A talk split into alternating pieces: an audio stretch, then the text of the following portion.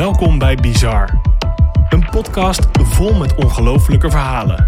En toch zijn ze allemaal waar gebeurd. Deze week gaan we het hebben over José Salvador Alvarenga. Hij is visser en heeft een vistrip gepland voor 30 dagen. Deze trip duurt echter veel langer dan verwacht. Van harte welkom bij een nieuwe aflevering van Bizar. Ik zit deze week naast helemaal niemand. Want er is mij veelvuldig gevraagd of ik een keer een aflevering alleen wil opnemen. Zonder onderbrekingen. En dat leek mij wel een keer een goed idee.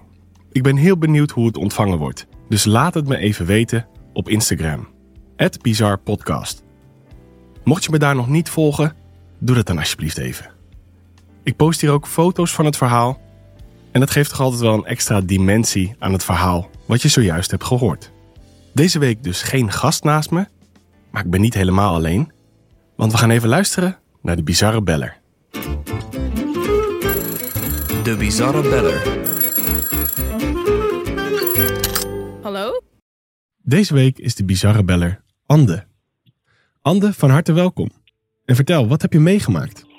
Nou, wij, eh, wij hebben iets heel bizars meegemaakt op eh, wat wij dachten dat een leuke vakantie eh, zou worden. Maar dat nou, begon toch even anders. Ehm, wij zijn naar Mallorca gegaan een aantal jaar terug met mijn broer en mijn vriend en schoonzus en hun kleine van net één jaar. Gezellig. dacht, we gaan lekker, lekker naar het warme, warme weer. We hadden een heel mooi huisje, ja, een soort oud boerderijtje en een afgelegen gebied van Mallorca, een beetje Noord-Mallorca, omringd door weilanden en nou, eigenlijk verder niet heel veel. En, ehm, Niks aan de hand, zou je nou zeggen. ja, wij, eh, wij kwa- Nee, nee, helemaal niks aan de hand. Gewoon, eh, gewoon een lekker, lekker mooi huisje, lekker landelijk. Nou ja, eigenlijk eh, begon het allemaal heel goed. Maar dat, dat liep even iets, iets anders toen wij, nou ja, dat, volgens mij was het de tweede dag. Dus we hadden al één nacht geslapen, hoorden wij eh, s ochtends een geluid. En nou ja, we, we dachten, we zitten omringd door allemaal weilanden. Het klonk een beetje alsof het een, eh, zo'n gillende geit was. Ik weet niet of je die YouTube-filmpjes kent. Ja, ja, ja. maar ja, een beetje zo'n gillende geit of een pauw. Nou, het, klonk, het klonk heel erg als een dier. Ja. En wij dachten, nou, eh, nou, dat kan. We zitten in een weiland en er zullen vast dieren omheen zijn. Eigenlijk niks van aangetrokken. Toen zijn wij lekker de dag de hort op gegaan naar een, naar een marktje. En toen kwamen we s'avonds terug. Wij dachten, we gaan lekker gin tonics maken aan het zwembad. Ja, lekker. En eh, toen hoorden we, ja, dat was helemaal lekker. Eh, maar toen hoorden we dat geluid dus weer. Mhm. En eh, ja, toen, toen waren we eigenlijk toch wel nieuwsgierig van wat is dat nou? Want het, het klonk gewoon zo gekkig. En ehm, nou ja, mijn broer en mijn vriend die waren lekker bezig met de gin tonics. En ik ging met mijn schoonzus op onderzoek uit. Dus wij gingen rond het huis een beetje luisteren. En bij het huis waren allemaal struiken. Dus je kon eigenlijk niet verder van je afkijken. We wisten wel dat er weilanden omheen zaten, maar we konden er niet naar kijken. En was het toen donker? Ja, het was een beetje schemer. Het was s s'avonds. Oké. Dus een beetje rond, eh, volgens mij rond zes uur 's avonds was het toen. We hadden bosjes en een soort muurtje, zo'n gemetseld muurtje met van die mooie stenen. En dat was, eh, nou ja, ik ben 1,65. Ik kon er niet overheen kijken. Het was best wel een hoog muurtje. Ja. En ehm, nou, wij hebben dat geluid af een beetje horen, horen. En toen hoorden we niks meer. En toen zaten wij bij een bosje waarvan wij dachten, nou, dit is de richting waar het geluid vandaan komt. Ja. En toen gingen we met z'n tweeën luisteren. En toen in één keer kwam er zo'n afgrijzelijke krijs eigenlijk. Dat wij, nou ja, we keken elkaar gelijk aan en echt adrenaline schoot omhoog. En eh pakte elkaar ook beet. En ik, ik zei gelijk van, er zit iemand in een put. Want zo klonk het ook gewoon. Je hoorde dat het geluid vanuit onder de grond kwam. En eh, ja, dat was gewoon, dat ging echt door merg en been. Het is echt een heel naar geluid. Wat verschrikkelijk. En eh, ja, het was heel naar, want het, het was ook niet help of zo. Het was gewoon echt een, een krijs. Vandaar dat wij natuurlijk de hele dag al dachten dat het een dier was. Ja, Want maar die- werd, er werd niet echt geroepen. Maar diegenen die zitten dan al even. Ja, die, nou, wij, wij waren 's ochtends, wij waren best vroeg op. Ik denk dat wij om zeven uur dat geluid 's ochtends al hoorden. En nou ja, eh, met schemer eh, gingen wij eh, kijken wat het geluid nou toch was. Dus dat is de hele dag in ieder geval, was, dat, ja, was dat al aan de gang. Ja, misschien die Dus avond ervoor er ook al wel. gewoon. Ja. Ja, ja, dat weten we dus niet. Want dat, dat zou best kunnen. Ben heel benieuwd. Ga verder. En ehm, toen, eh, nou ja, wij, eh, wij eigenlijk helemaal adrenaline hoog pakten elkaar vast en zeiden, nou, we moeten naar de jongens. Dus wij renden naar binnen en het eerste wat ik zei, er zit iemand in een put, we moeten helpen. Eh, en nou ja, mijn vriend die werkt bij Defensie, mijn broer is uh, altijd aan het sporten, dus die kwamen gelijk in actie. En ik was uh, een beetje aan het communiceren met diegene in de put, waarvan, of tenminste, we wisten toen eigenlijk niet dat het een put was, maar we hoorden dat wel. Mhm. Uh, dus ik ging communiceren van, we hebben je gehoord en uh, we komen je helpen. Maar ja, er kwam niet echt een gesprek. Dus diegene sprak ook geen Engels. Nee. Um, en toen uh, nou, was er dus een weiland naast ons huisje. En daar was, nou ja, als je een horrorfilm voor je neemt met zo'n put. Zo'n put was daar, zo'n stenen gestapelde put die, die wat uit het weiland stak. Dus ik denk ja, zo'n 30 centimeter hoog. En uh, we keken erin en daar zat een vrouw. Nou ja, dat beeld, dat die vrouw die was, nou die zat daar al de hele dag. Die, die was nat, want het, er zat water in de put. Mm -hmm. Helemaal nat, zwart haar langs het gezicht. Helemaal blauw opgezwollen door het water. Uh, keek daar een vrouw omhoog in die put. Ach. Nou, echt, dat was, dat was echt mega eng ook. Ja, horror. Want, ja, ja, dat is gewoon echt, uh, ja, echt, echt zo'n horrorfilm. En ja, dan, dan maak je dat zelf mee. En dat is gewoon heel, heel raar. En uh, nou ja, eerst zagen we nog niet heel veel. De eerste reactie was, die vrouw moet uit de put. Um, maar die put was best diep. Die was uh, iets van, denk drie meter diep. En we zagen wel een blauw soort van touw hangen. Dat was een beetje zo'n plastic touw. Uh, maar dat was heel dun, dus daar konden we eigenlijk niet heel veel mee. Mm -hmm. um, maar goed, mijn, mijn broer en mijn, uh, mijn partner, die doken een soort van half in die put. Eén hield de voeten vast van de ander en de andere die ging zelf uh, head first in die put om de armen van die vrouw te pakken. Jeetje. Maar ja, die vrouw die was helemaal, helemaal opgezwollen van, van het water. En uh, ja, die trokken ook bijna toen ze, ze moesten zo hard knijpen om die vrouw omhoog te, te trekken. Ja. Dat dat, ja, dat, dat stel, dat liet ook gewoon Ja. een soort van los. Ja. En nou ja, uiteindelijk wel met mannenmacht haar uh, omhoog getrokken. Uh, ik had uiteindelijk de, de nooddiensten of de hulpdiensten gebeld. Ja. Um, die spraken heel gebrekkig Engels, tot mijn verbazing. Um, dus toen zijn we ook naar de buren gerend van, nou, kom helpen, vertalen, uh, nou, kom gewoon helpen. Ja. En het was heel raar, want die vrouw die, uh, die, zat, ja, die zat buiten die put en die, die, die zat er een beetje verdaasd bij. En ja, de, ze wilde ook niet dat wij de nooddiensten belden. Dus er mocht geen ambulance komen, er mocht niks, ze was in orde. Nou, wij wisten zeker dat zij natuurlijk niet in orde was. Nee, zo klinkt het niet. Um, Nee, maar ze wilden gewoon echt niet hebben dat wij de hulpdiensten belden. Dus wij zaten ook een beetje met, ja, wat, wat moeten we hiermee? We wisten ook niet waar zij vandaan kwam, we wisten niks. En um, uiteindelijk, toen hebben de buren hebben haar thuis gebracht, gebracht bleef het, uh, verbleek het dus de overbuurvrouw van ons te zijn, in het huisje tegenover ons. Jo. Nou ja, uh, en het, het rare was, die, zij is thuisgebracht, er is, zijn geen hulpdiensten gekomen. Wij zagen later bij de put een, ja, een steen liggen met dus wat blauwe touw wat we al in de put zagen hangen. Ja. Dat hing in die put.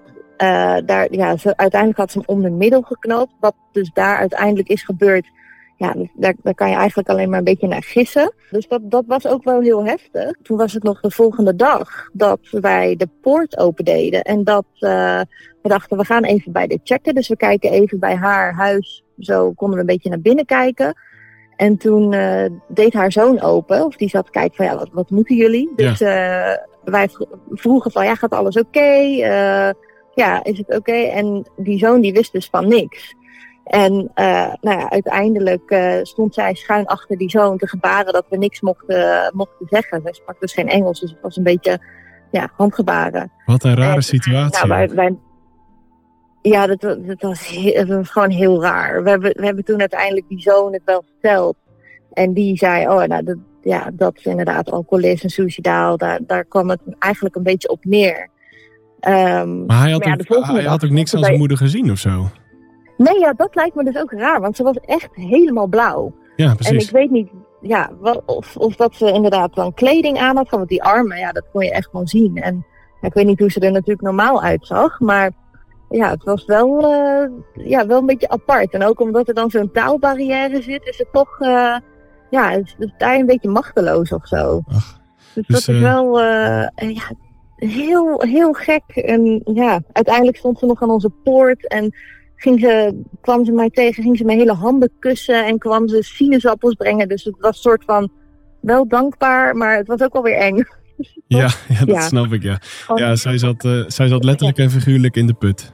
Nou, eh, precies, ja, echt. Ja. En dat, eh, nou ja, dat is dan het begin van je vakantie. Ander, ontzettend bedankt voor je bizarre verhaal.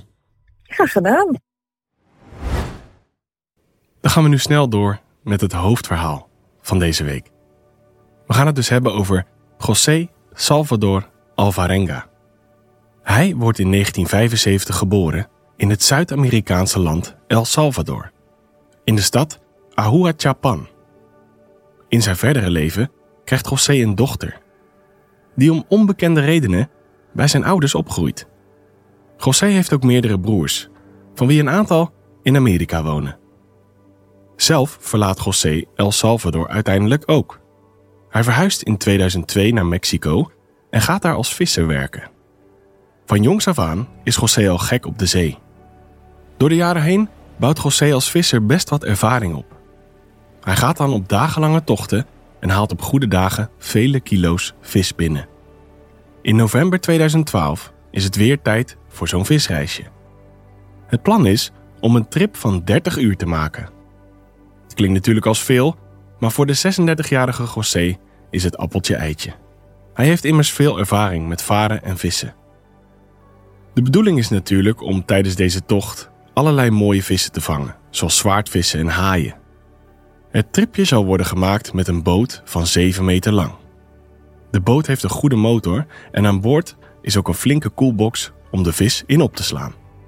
José's vaste compagnon, Ray Perez, helpt hem om de boot te bevoorraden. En er is flink wat aan boord. Denk aan 300 liter benzine, 23 kilo aan lokaas, 700 vishaken, kilometers aan vislijnen, een harpoen, drie messen, drie emmers, een mobiele telefoon, een radiozender, een niet waterbestendige GPS-tool, 91 kilo ijs en meerdere sleutels om de motor mee te starten. Een hele waslijst dus. Wanneer José bijna op het punt staat om de tocht met Ray te maken, zegt Ray af. En dan wordt besloten om een 22-jarige, onervaren jongen mee te nemen als assistent. Ezequiel Cordoba. Hij weet nauwelijks iets van vissen, maar heeft wel veel uithoudingsvermogen en wil graag wat bijverdienen. Ezequiel en José hebben elkaar trouwens nog nooit gesproken. Toch zetten de twee op 17 december zeil op de Stille Oceaan. Ze vertrekken vanuit het Mexicaanse plaatsje Costa Azul. De eerste paar uur verloopt de vistocht soepel. Uitmuntend zelfs. Het tweetal weet wel 500 kilo vis binnen te halen. Dat is echt heel veel. Maar dan slaat later op de dag het noodlot toe. In de vorm van een hele zware storm. Iets waar José en Ezekiel helemaal niet op voorbereid waren. Er komt door de hoge golven allerlei water aan boord. Terwijl José stuurt, probeert Ezekiel het water uit de boot te werken. Ezekiel is helemaal in paniek, maar José is ervaren en houdt zijn hoofd koel. Hij probeert een weg terug naar de kust te varen, waar de twee nu ongeveer 80 kilometer bij vandaan zijn. Het is inmiddels 18 november. De storm is echter genadeloos. De onervaren Ezekiel kan het eigenlijk niet aan. Soms hangt hij over de reling van de boot, te spugen en te huilen. Hij is doodsbang. Bang dat de boot uiteenvalt en dat ze worden opgegeten door haaien. Dan valt de ochtend, na weer een zware nachtstorm. En de storm is nog niet klaar. Intussen mogen vissersbootjes die nog aan de kust liggen de zee niet op, omdat de storm zo hevig is. Kun je nagaan. Zij zitten op volle zee. José blijft het stuur van zijn boot in elk geval goed vasthouden en probeert zo goed en zo kwaad als het gaat richting de kust te varen. Plotseling, rond een uur of negen ochtends, ziet José dan een bergtop in de verte. De wolken breken open en hij kan eindelijk wat verder over het water kijken. Hij schat dat ze ongeveer twee uur van land verwijderd zijn. Ja, dat moet te doen zijn. Maar dan begint de motor van de boot ineens hele rare geluiden te maken. Begeeft hij het nou? Dat kan toch niet waar zijn? Nu José zich in rustiger vaarwater begeeft, besluit hij via de radio die hij heeft contact op te nemen met zijn baas Willy. Met het slechte nieuws dat de motor naar de Filistijnen is. Wat José niet weet, is dat de radio slechts voor de helft is opgeladen. Net nu die zo hard nodig is. Maar goed, het is voor nu genoeg om door te geven wat er is gebeurd aan Willy. De baas vraagt dan om coördinaten. Maar José heeft die niet. De GPS is kapot. Willy vraagt hem dan om een anker te laten zakken. Maar die hebben de twee ook niet. Willy zegt vervolgens alleen nog dat José opgehaald zal worden. Daarna zien Ezekiel en José weer hoge golven opdoemen. De storm gaat genadeloos verder. De mannen leunen allebei tegen één kant van de boot in een poging om het slingeren tegen te gaan. Maar tegen de golven is niet op te leunen. Ze zijn zo hevig dat de mannen af en toe gewoon de lucht in worden gezwiept en dan weer in de boot vallen. Eén keer valt Ezekiel er zelfs uit. Maar José weet hem dan letterlijk aan zijn haren weer de boot in te trekken. José beseft dan dat de boot lichter moet worden gemaakt. Er zit te veel gewicht in. Zoals die 500 kilo vis bijvoorbeeld, waar ze zo hard voor hebben gewerkt. José ziet geen andere mogelijkheid dan de boel overboord te gooien. Het is dit of zinken. Ze moeten daarbij nog uitkijken dat ze zelf niet overboord slaan. De dode vissen kunnen namelijk haaien aantrekken en dan wordt het wel heel erg gevaarlijk als je in zee belandt. Alleen de vis eruit gooien blijkt trouwens niet genoeg om de boot te ontlasten. José besluit dan ook reservebenzine en het ijs eruit te gooien. José weet vervolgens een stuk of 50 boeien langs de boot te binden voor wat meer stabiliteit. Maar de storm is ontzettend zwaar. Er komt heel veel water de boot in. Contact met de kust kan er niet meer worden gemaakt, want de radio gaat rond 10 uur ochtends compleet leeg. Een benauwend gevoel lijkt me dat. GPS is stuk gegaan en die motor natuurlijk ook. De twee worden door de golven hardhandig steeds verder de zee ingedwongen. Er komt telkens zoveel water aan boord dat de twee echt moeten handelen. Ezekiel en José moeten samen met emmers in de weer om het eruit te krijgen. De twee doen dit urenlang. Het is zo vermoeiend dat de twee wel flauw zouden kunnen vallen. Ondertussen stromen ze steeds verder de stille oceaan op, zonder enige navigatietools. José heeft het nog best wel lang op een rijtje, terwijl Ezekiel dus in paniek is. Maar later krijgt José een soort woedeaanval. Hij richt zijn boosheid op de kapotte motor. Daar slaat hij keihard op met een soort knuppel die hij normaal gebruikt om vissen mee dood te slaan. Daarna gooit hij woest alle kapotte apparatuur overboord, waaronder de GPS en de radio. De nacht valt. Het is ontzettend koud. De twee gaan met hun benen over elkaar zitten om enigszins warm te blijven. Het is zo koud dat ze hun handen nauwelijks kunnen bewegen. Nog steeds slaat er allemaal water aan boord. Ze kunnen niet stoppen met water eruit scheppen. Dan begint het weer hard te regenen. De mannen raken doorweekt en weten niet waar te schuilen. Daarom pakken ze de grote lege koelbox en houden ze die ondersteboven boven hun hoofd om de regen en kou enigszins tegen te houden. Het is dus allemaal vrij hopeloos voor Ezekiel en José. Werkelijk alles wat nodig is om een boot voor te bewegen of juist stil te leggen, is stuk of niet aanwezig. Zo heeft de boot geen zeilen, geen anker, geen roeispanen en natuurlijk niks om de kustwacht mee in te lichten. Als gevolg drijft de boot steeds verder de wijde, stille oceaan op. Het is echt pure ellende. Ze moeten nu op zee zien te overleven. Alleen hebben de twee geen spullen meer om mee te vissen. Die zijn allemaal kapot of verloren geraakt. Anders zou het wel een stuk makkelijker worden om eten te vangen. Maar de mannen zijn voor nu afhankelijk van de kleine voorraad die ze hebben. In de tussentijd is er vanuit Mexico een zoekactie op poten gezet door José's werkgever Willy. Maar na twee dagen wordt deze zoektocht gestopt, want het zicht op zee is te slecht. Iemand vinden lukt onder deze omstandigheden nooit. José en Ezekiel zijn dus op zichzelf aangewezen. Het lukt José na een tijdje gelukkig wel om eten te vangen. Gewoon met zijn blote handen. Hij doet zijn armen tot aan zijn schouders in het water en hangt dan dus op de rand van de boot. José houdt zijn handen dan heel stevig aangespannen en vrij dicht bij elkaar. Als er een vis tussen zwemt, klapt hij zijn handen vliegensvlug samen. Op deze manier vangt José voornamelijk vissen, maar soms ook schildpadden en kwallen. En hier en daar vangt hij ook nog wel eens een vogel. Wanneer er vissen worden gevangen, maakt Ezekiel deze schoon en laat ze vervolgens drogen in de zon. De honger blijft trouwens wel. José eet zelfs zijn nagels op. En volledige kwallen. Ze verbranden zijn gehemelte, maar hij vindt ze niet per se slecht smaken. Qua eten zijn ze dus een soort van gedekt. Maar drinkwater, ja, dat is een ander verhaal. Het wil de eerste tijd op zee maar niet regenen. En wanneer het wel gaat regenen, heeft José bedacht om emmers klaar te zetten en het water op te vangen. Maar ja, zolang er geen regen is, heb je ook geen water. Daarom drinken de twee de eerste tijd bloed van schildpadden of hun eigen urine om gehydrateerd te blijven. Echt vreselijk. Dat doe je alleen als je echt aan het overleven bent. Al is het de vraag of je hier ook echt mee overleeft. Want je eigen urine drinken is erg risicovol. Het zit namelijk vol met bacteriën. Gelukkig voor de mannen begint het na twee weken op zee te regenen. Ze zitten dus al twee weken op zee. In een bootje zonder motor. Maar ze roeien met de riemen die ze hebben. Figuurlijk dan. In dit geval is regen een hele belangrijke riem.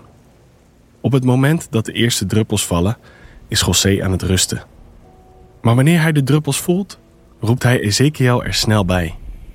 Het is tijd om een emmer neer te zetten en het water op te vangen. De mannen zijn euforisch. Ze trekken hun kleren uit en douchen als het ware in de zware regenbui. Ze houden hun mond open voor wat hydratatie. Wanneer de emmer redelijk gevuld is, drinken ze om de beurt steeds wat water. En later maken ze duidelijke afspraken over hoeveel er gedronken gaat worden. Regenwater blijft schaars. Op zee zien Ezekiel en José ook geregeld plastic drijven. Hele vuilniszakken zelfs. In één stuk plastic vinden ze kool, wat wortels en een beetje zure melk, dat ze desondanks opdrinken. Het is natuurlijk triest dat dit allemaal in die mooie oceaan drijft, maar voor de mannen is het op dit moment alleen maar gunstig. Ze eten zelfs kauwgom waar al op is gekoud, puur voor de smaaksensatie. In het bootje is ook plaats voor de nodige diepe gesprekken. Ezekiel en José hebben het over hun ouders. José heeft al acht jaar geen contact meer met hen. Waarom is niet bekend. Maar nu hij in deze situatie verkeert, mist hij ze toch wel heel erg. Vooral zijn moeder. Ook Ezekiel mist zijn moeder. De twee mannen hebben spijt van hun zonde en het feit dat ze niet altijd even goede zoons zijn geweest. Nu willen ze niets liever dan hun fouten recht trekken en hun moeder een stevige knuffel en zoen geven. Gelukkig hebben de twee elkaar nog. Op deze manier verstrijken er twee maanden. José weet het mentaal redelijk op een rijtje te houden, maar Ezekiel valt alles toch wel heel zwaar. Hij is echt niet gewend aan zo lang op zee zijn. Daarom raakt hij erg depressief. Voor hem voelt het hopeloos. Hoe gaan ze hier ooit nog uitkomen? Hij is ervan overtuigd dat hij zal sterven op zee. Bovendien is Ezekiel ziek geworden van al het rauwe voedsel. Hij besluit daarom dat hij het niet meer wil eten. En hij gaat als het ware in hongerstaking. Je krijgt bij hem met geen mogelijkheid voedsel naar binnen. Ja, en op een gegeven moment begint dat zijn tol te eisen. Ezekiel meldt dan dat hij aan het doodgaan is. José zegt: laten we gewoon een tukkie doen. Maar Ezekiels lichaam begint dan schokkende beweging te maken. En kort daarna wordt zijn lichaam gespannen. Hij sterft. Vreselijk dit. Zo'n jong leven verloren door een tragische gebeurtenis. Echt ontzettend sneu. Maar ook voor José, want hij is zijn maatje kwijt en is nu alleen. Ezekiel was de enige die hij had op deze eenzame zee. De enige met wie hij kon praten. En die is er nu niet meer. José moet er ook veel om huilen. En het maakt hem zelfs een paar dagen suïcidaal. Wat is het punt nog? Hoe komt dit ooit goed? vraagt hij zich af. Maar na een paar dagen denkt hij aan iets wat zijn moeder ooit heeft gezegd: dat mensen die zelfmoord plegen niet naar de hemel gaan. Uiteindelijk weerhoudt dat José ervan om zichzelf van het leven te beroven. Het lichaam van Ezekiel, die houdt José trouwens aan boord. Het is nogal luguber, maar ergens ook wel heel lief. In dit soort verhalen denk je misschien dat de overlevende het lichaam van een dode opeet om te overleven. Maar José doet dit niet. Maar José houdt het lichaam dus wel aan boord. Hij praat er zelfs tegen en geeft dan zelf antwoord alsof hij Ezekiel is. En het zijn echt hele gesprekken. Op een gegeven moment vindt José het alleen wel genoeg geweest. Het is alsof hij ineens wakker schrikt en doorheeft dat hij praat tegen een dood iemand. Hij draait er een beetje van door. Daarom trekt hij de kleren van Ezekiel uit om ze misschien nog te gebruiken. En hij gooit het lichaam daarna overboord. Het lichaam heeft zes dagen in de boot gelegen. Dat zal met alle respect ook niet heel erg fijn hebben geroken. In die zon en onder die omstandigheden. Maar misschien had José dit niet eens in de gaten. Terwijl hij het lichaam overboord gooit, valt José flauw. Even later wordt hij gelukkig weer wakker en komt hij tot de realisatie dat hij er nu echt alleen voor staat. Met het lichaam was het nog een soort van alsof hij iemand had. En nu zit hij in zijn eentje op zee. En wie weet voor hoe lang nog. Terwijl José in het bootje overleeft, ziet hij af en toe vrachtschepen aan de horizon. Elke keer wanneer hij er een ziet, wordt hij helemaal enthousiast. José springt op, zwaait en roept. Maar het mag keer op keer niet baten. Ondertussen verstrijkt er weer wat tijd. José houdt de tijd bij met behulp van de maancyclus. Elke keer dat het volle maan is, is er weer een maand voorbij gegaan. Deze methode heeft hij geleerd van zijn opa. En in al die tijd krijgt José te maken met meerdere zware stormen. Hij heeft flink wat te doorstaan. Wel merkt hij dat de stormen elke keer korter lijken te worden. Dat is in elk geval iets positiefs. En over positiviteit gesproken. José probeert positief te blijven door middel van zijn fantasie. Dat is echt wat hem op de been houdt. Hij doet alsof hij in een andere realiteit verkeert, waarin hij de lekkerste maaltijden eet en het bed induikt met mooie vrouwen. Zijn verbeelding wordt zo sterk dat het is alsof hij dit ook echt allemaal heeft beleefd. En die verbeelding is ook zo ongeveer het enige wat José nog heeft. In zijn hoofd wandelt José de mooiste routes. Terwijl hij zich dit voorstelt, loopt hij ook heen en weer over de boot. Het haalt hem allemaal weg bij de gedachte aan doodgaan. Je geest moet wel enorm veerkrachtig zijn om dit te kunnen. Vooral zo'n lange tijd. Want we hebben het hier inmiddels over meer dan een jaar op zee. Volgens zijn maantellingen zit hij al iets van 14 maanden op een bootje op de Stille Oceaan. José denkt dan ook: dit wordt hem niet meer. Ik ga gewoon dood. Want hoezeer je ook fantaseert, duistere gedachten zijn natuurlijk heel sterk. Die kunnen het helaas nog wel eens winnen. Zeker in deze situatie. Maar terwijl José zich in die negatieve spiraal bevindt, ziet hij allemaal kustvogels. En de naam zegt het al. Vogels die normaal gesproken langs de kust vliegen.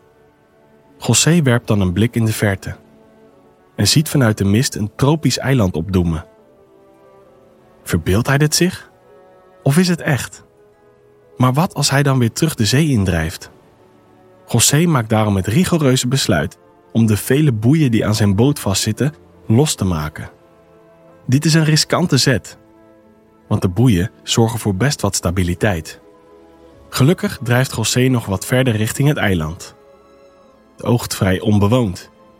Wat als het inderdaad onbewoond is en hij daar strandt? Wat dan? Maar goed, hij drijft er nu eenmaal heen. Wanneer hij nog een paar meter van de kust is verwijderd, waagt hij de gok en duikt hij van de boot af. Hij zwemt richting het eiland. Een sterke golf voert hem het laatste stukje richting het strand.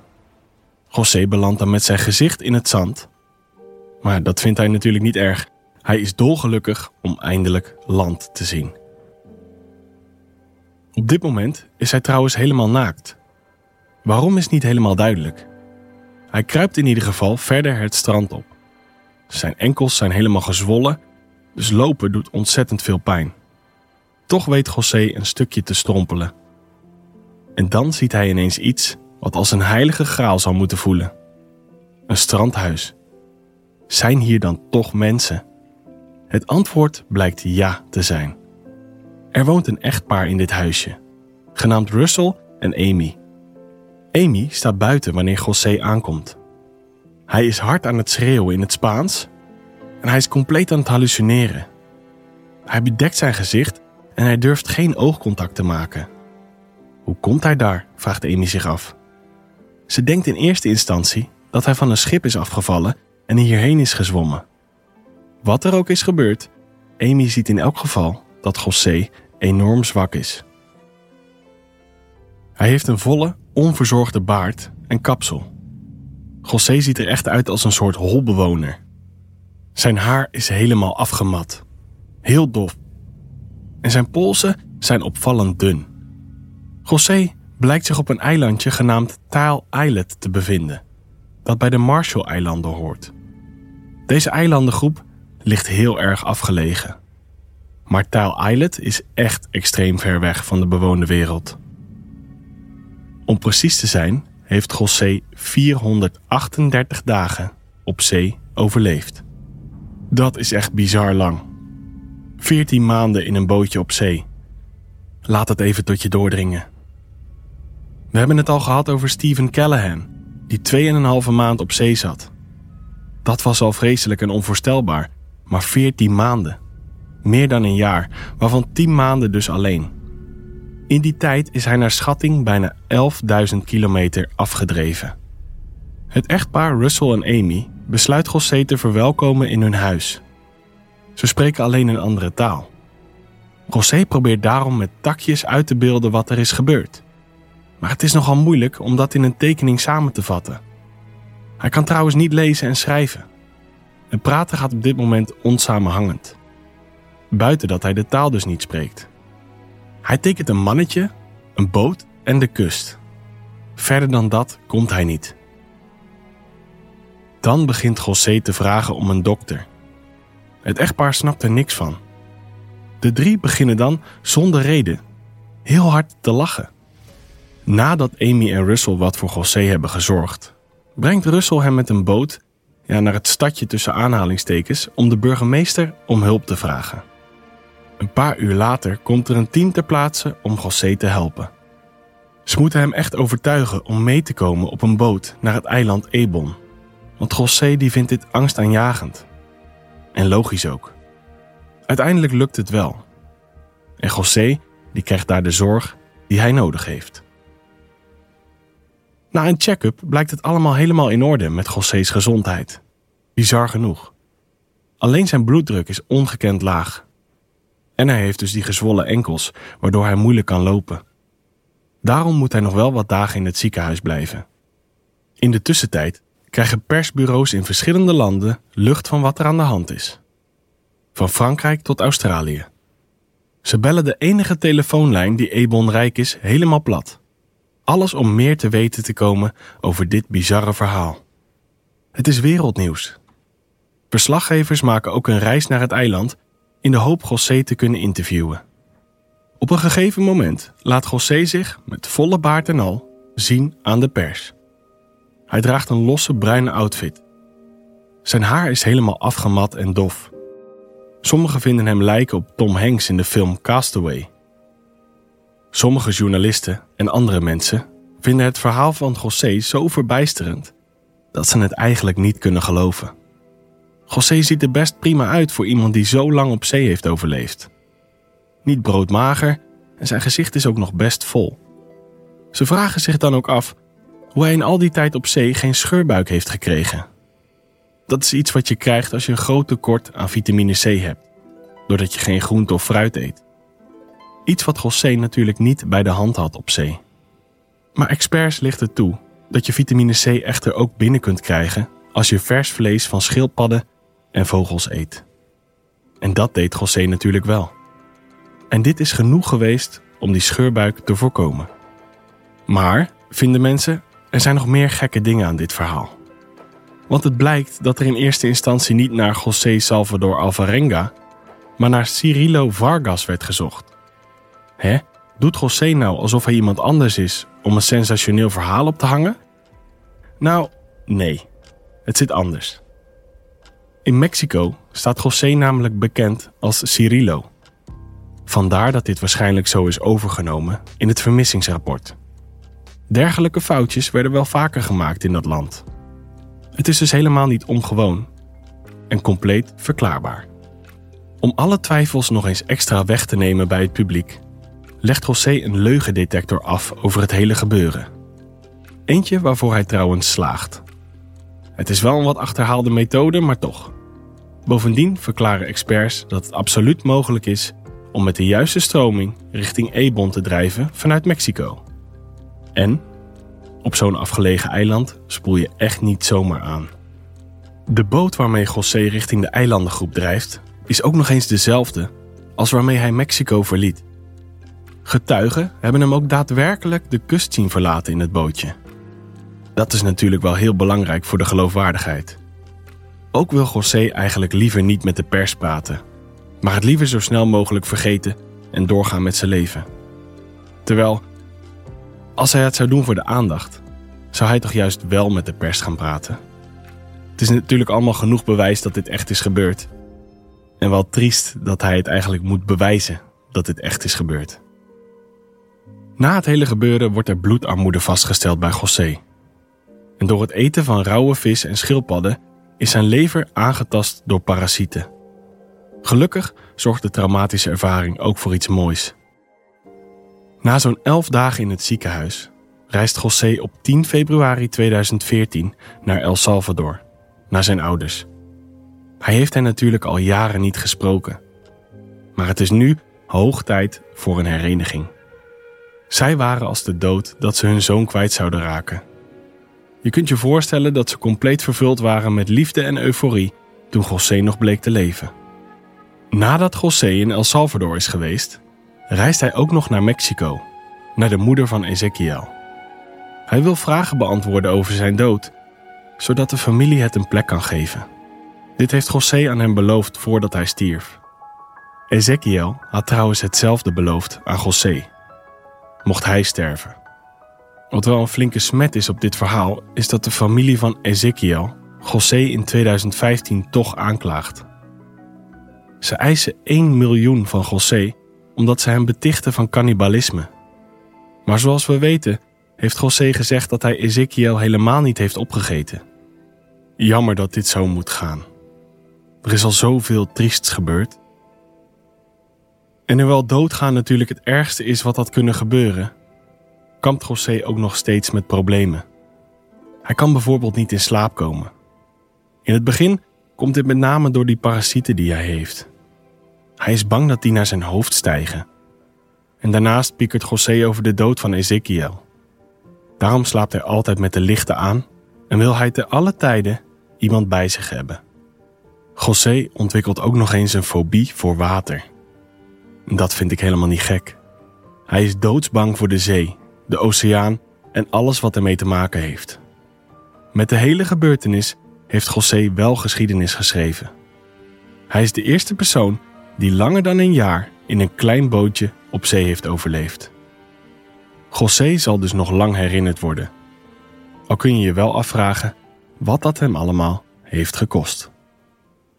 Ja, en dat was het verhaal van José Salvador Alvarenga.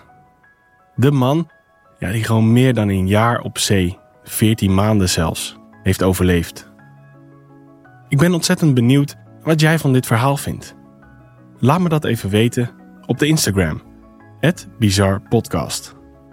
Laat me daar ook even weten wat je ervan vond dat ik vandaag alleen deed. Ik ben er wel heel erg benieuwd naar. De foto's van dit verhaal staan inmiddels ook online op de Instagram. Dus ga ze daar bekijken. Heb je nou zelf iets bizars meegemaakt? En zou jij graag de bizarre beller willen zijn? Laat me dat ook even weten op Instagram in een DM. Voor nu allemaal ontzettend bedankt voor het luisteren. En heel graag tot volgende week.